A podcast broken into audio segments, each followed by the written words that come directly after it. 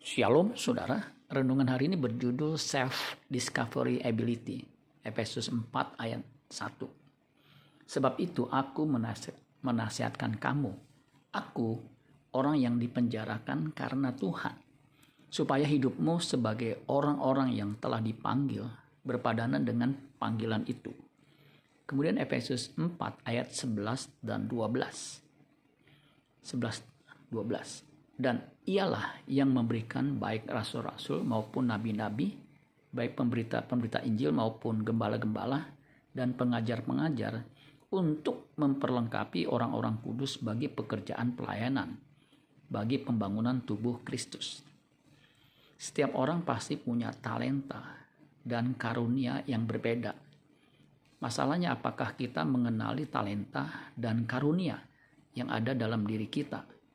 Kemampuan menemukan talenta dan karunia atau self discovery ability harus kita miliki. Bagaimana bisa punya kemampuan itu? Kristus memberi contoh. Markus 1 ayat 35. Pagi-pagi benar, waktu hari masih gelap, ia bangun dan pergi keluar.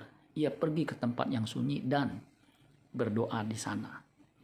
Itulah yang dilakukan Kristus selama ia mengenakan tubuh manusia yang dalam segala hal ia disamakan dengan manusia. Tidak heran, pelayanan Kristus begitu efektif. Demikian juga dengan kita. Kita harus mendisiplin diri untuk duduk di dekat kaki Tuhan, agar Tuhan pakai kita sesuai talenta dan karunia yang dia berikan. Amin buat firman Tuhan. Tuhan Yesus memberkati.